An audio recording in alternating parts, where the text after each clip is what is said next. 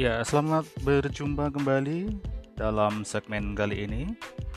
Materi kita adalah ketahanan nasional Indonesia.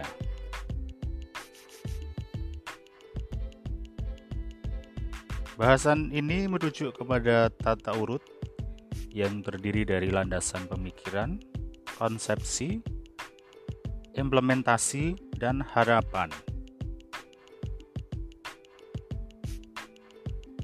Ada The Element of National Power dari Hans Morgenthau. Di antaranya adalah geografi,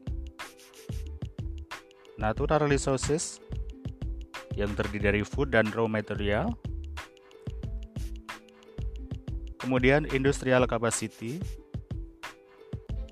military preparedness, yang terdiri dari teknologi dan leadership serta quality and quantity of the art. Kemudian population yang terdiri dari distribution dan trend. Kemudian ada national character, national moral, the quality of diplomacy dan the quality of government.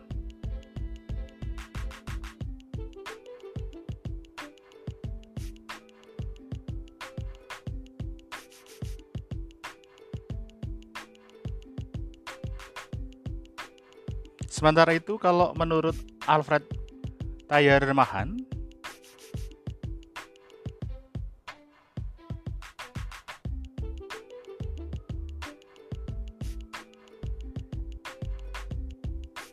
kekuatan nasional itu menyangkut letak geografi, bentuk atau wujud bumi, luas wilayah, jumlah penduduk, watak nasional atau bangsa, serta sifat pemerintah. Sedangkan R.S. Klein menyebut ada critical mass, economic, military, national will, dan strategi. Itu adalah beberapa elemen dari kekuatan nasional. Nah, saudara bisa menganalisis masing-masing poin menurut beberapa ahli tersebut. Misalkan yang menurut Alfred terkait dengan jumlah penduduk. Nah, bagaimana analisis Anda terkait dengan jumlah penduduk ini? Bila mana jumlah penduduk itu sebagai sebuah kekuatan nasional dan bila mana itu sebagai kelemahan. Ini tentu saja menyangkut kualitas sumber daya manusia, bukan sekedar kuantitas. Kemudian kalau menurut Hans Morgenthau,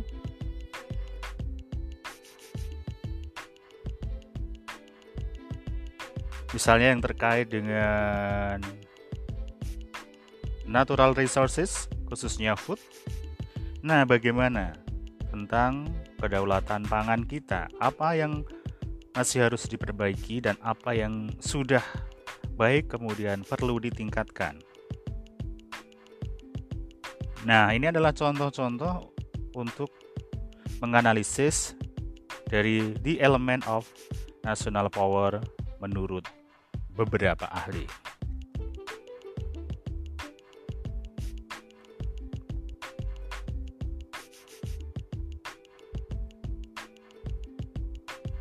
Selanjutnya kita akan berbicara mengenai konsepsi.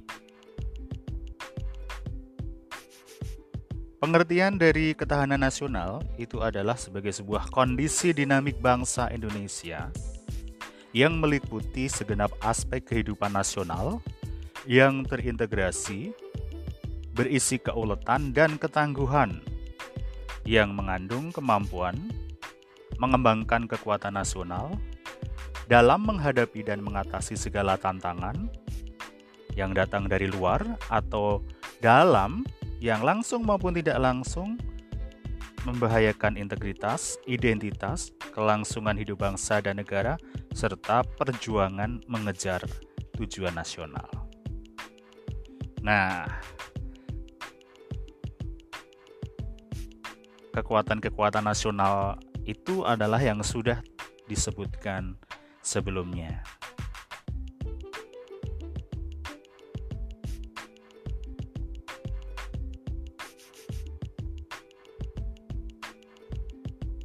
Misalkan yang terkait dengan military preparedness, terkait dengan teknologi. Nah, ini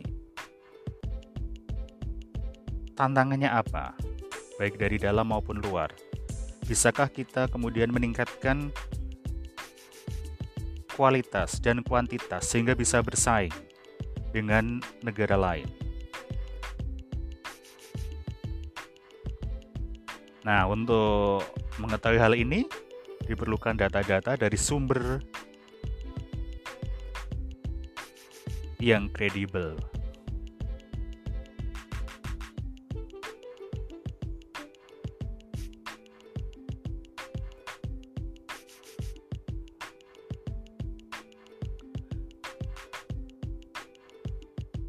Sejalan dengan pengertian ketahanan nasional, konsepsi ketahanan nasional itu sendiri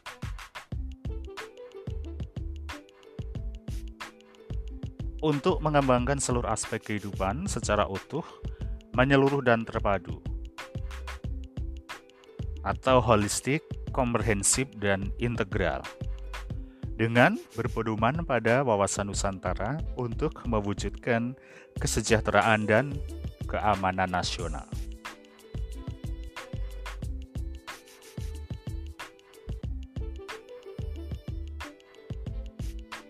Lalu, apa yang menjadi landasan pemikiran ketahanan nasional?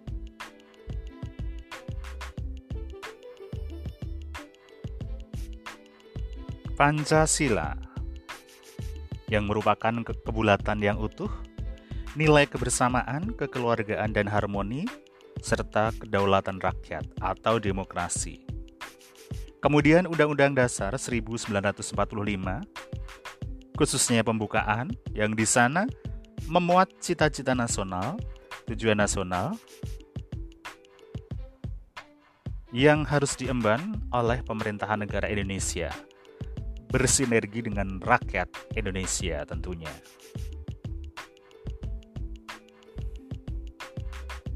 Kemudian juga teori eksistensi bangsa dan negara, ada keulatan dan ketangguhan, menurut Sunardi, kemudian faktor dominan jatuh bangunnya.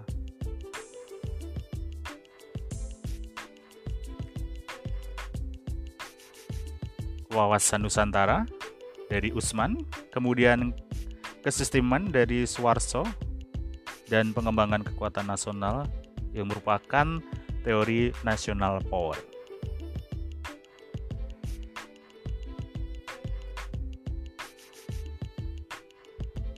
Landasan pemikiran berikutnya adalah wawasan Nusantara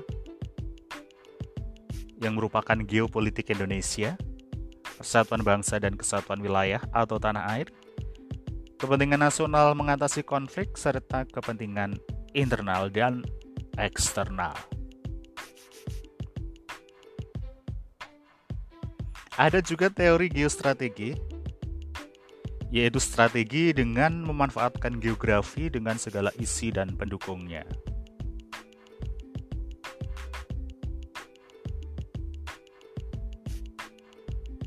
Kemudian juga sejarah perjuangan bangsa sebagai kemampuan mempertahankan eksistensi bangsa dan negara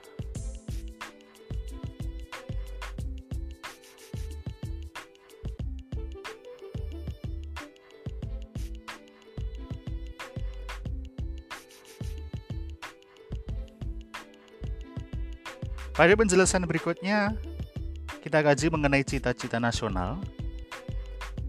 Ada di alinea kedua pembukaan Undang-Undang Dasar 1945, yaitu negara Indonesia yang merdeka, bersatu, berdaulat, adil, dan makmur. Kemudian untuk tujuan nasionalnya ada di alinea keempat pembukaan Undang-Undang Dasar 1945, yaitu melindungi segenap bangsa Indonesia dan seluruh tumpah darah Indonesia, dan untuk memajukan kesejahteraan umum, mencerdaskan kehidupan bangsa, dan ikut melaksanakan ketertiban dunia yang berdasarkan kemerdekaan dan perdamaian abadi, serta keadilan sosial.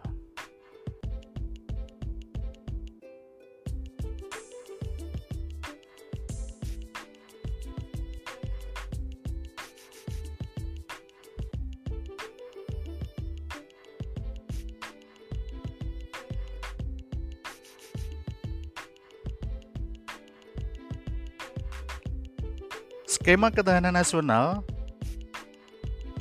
bermula dari keuletan dan ketangguhan, kemudian ada kemampuan mengembangkan kekuatan nasional, yang di sana ada tantangan, ancaman, hambatan, dan gangguan, baik itu langsung dari luar maupun dari dalam, ataupun yang tidak langsung. Dan hal atau upaya yang dilakukan itu adalah ketahanan nasional.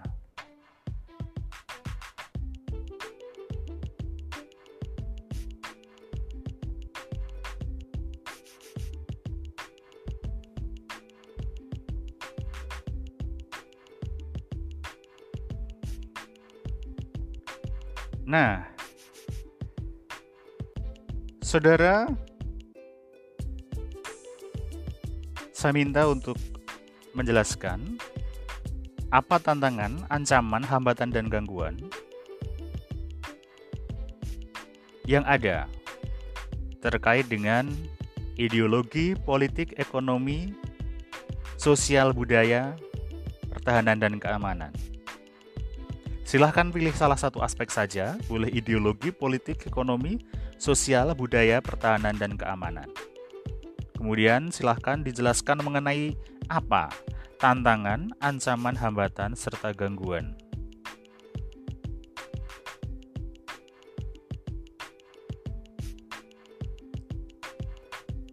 Silahkan jawabannya dikirim melalui Telegram Group dengan format nama underscore name underscore jawaban. Untuk program Diploma 4 Kebidanan, dikirim selama kelas berlangsung yaitu pukul 10.50 sampai dengan 12.40 waktu Indonesia Barat.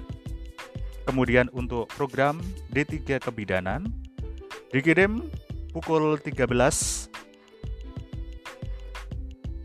sampai dengan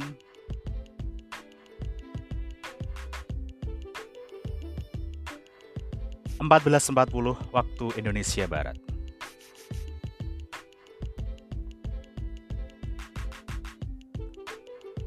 Terima kasih dan selamat belajar.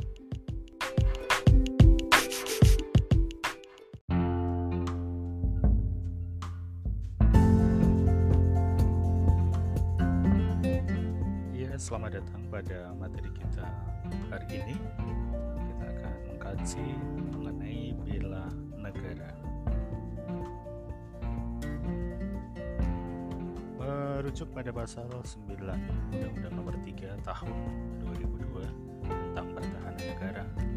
Bela negara adalah sikap dan perilaku warga negara yang dijiwai oleh kecintaannya kepada NKRI yang berdasarkan Pancasila dan Undang-Undang Dasar 1945 dalam menjamin kelangsungan hidup bangsa dan negara.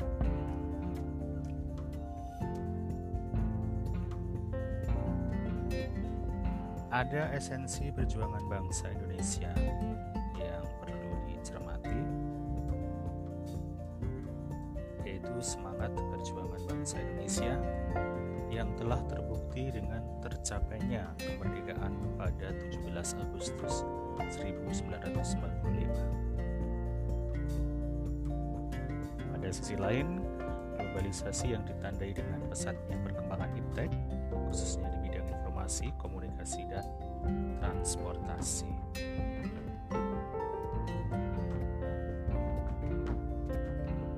Dalam menghadapi globalisasi dan mengisi kemerdekaan diperlukan perjuangan non fisik yang sesuai dengan profesi masing-masing yang tetap dilandasi oleh nilai-nilai perjuangan bangsa Indonesia termasuk juga profesi Anda di bidang kebidanan nantinya ya.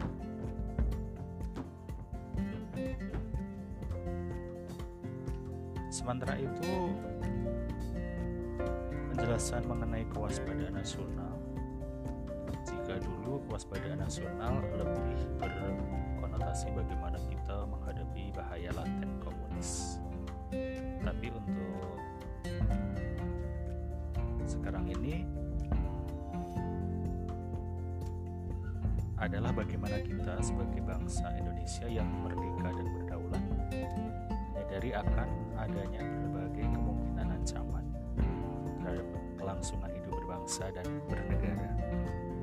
Dalam spektrum yang luas yaitu ideologi, politik, ekonomi, sosial, budaya, pertahanan, dan keamanan atau Impolek Sosutharkan.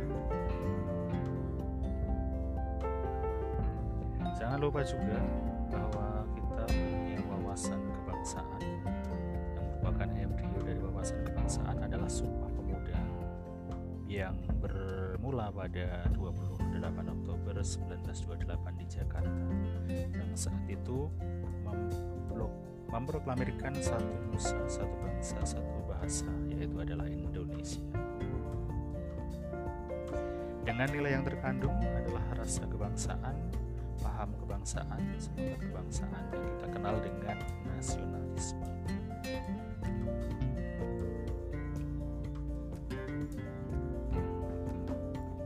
Bagian dari cinta tanah air adalah menjaga tanah dan perkarangan serta seluruh ruang wilayah Indonesia dan jiwa dan raganya sebagai bangsa Indonesia.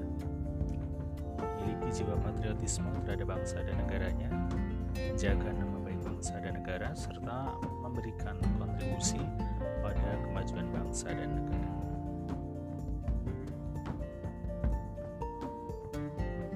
Nah itu semua adalah waspada artinya siap membela tanah air dari ancaman, tantangan, hambatan.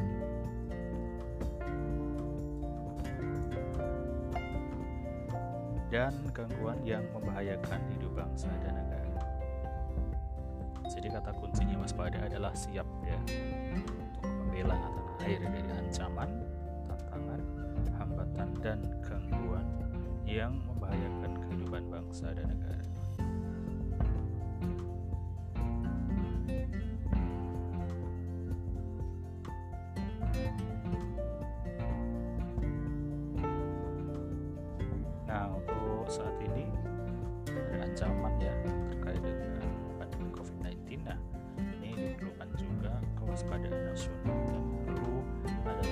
Negara dari warga Indonesia. Nah, pada penjelasan berikutnya, sadar berbangsa dan bernegara bisa diterjemahkan sebagai ikut aktif dalam organisasi kemasyarakatan, profesi maupun politik menjalankan hak dan kewajibannya sebagai warga negara sesuai dengan peraturan perundang-undangan yang berlaku, ikut serta dalam pemilihan umum.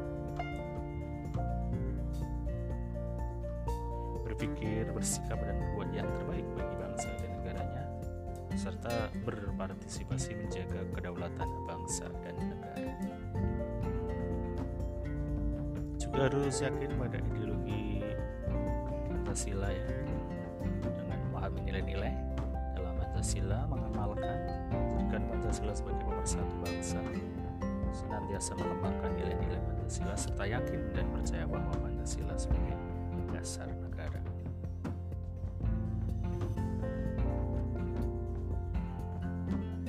Bela negara bisa diartikan juga sebagai rela berkorban untuk bangsa dan negara. Di antaranya adalah bersedia mengorbankan waktu, tenaga, dan pikirannya untuk kemajuan bangsa dan negara, siap membela bangsa dan negara dari berbagai macam ancaman, berpartisipasi aktif dalam pembangunan masyarakat bangsa dan negara, gemar membantu sesama warga negara yang mengalami kesulitan, dan yakin serta percaya bahwa pengorbanan untuk bangsa dan negaranya tidak sia-sia. Memiliki kesiapan psikis dan fisik juga penting ya, karena dengan itu diharapkan bisa memiliki kecerdasan emosional dan spiritual serta intelijensia. Kemudian senantiasa memelihara jiwa dan raga bersyukur dan menjaga kesehatan. Itu adalah penjelasan mengenai bila negara. Selanjutnya yang, yang terkait dengan karakter silahkan saudara pelajari di PPT sudah di share dan kemudian materi secara keseluruhan bisa saudara pelajari di ebook pendidikan keluarga negaraan dikti ya. Kemudian ada tugas di akhir materi kita pada hari ini. Tugasnya adalah menjawab pertanyaan. Pertanyaannya adalah apa bentuk bela negara warga negara di masa pandemi COVID-19 saat ini yang bisa dilakukan apa bentuk bela negara yang bisa dilakukan oleh warga negara Indonesia pada masa pandemi COVID-19 sekarang ini. Silahkan tulis jawaban Anda dengan format nama underscore in underscore jawaban dikirim ke telegram grup selama kuliah ini berlangsung. Dan selamat belajar informasi mengenai ujian akhir semester akan diinformasikan lebih lanjut melalui telegram. Terima kasih, sampai jumpa.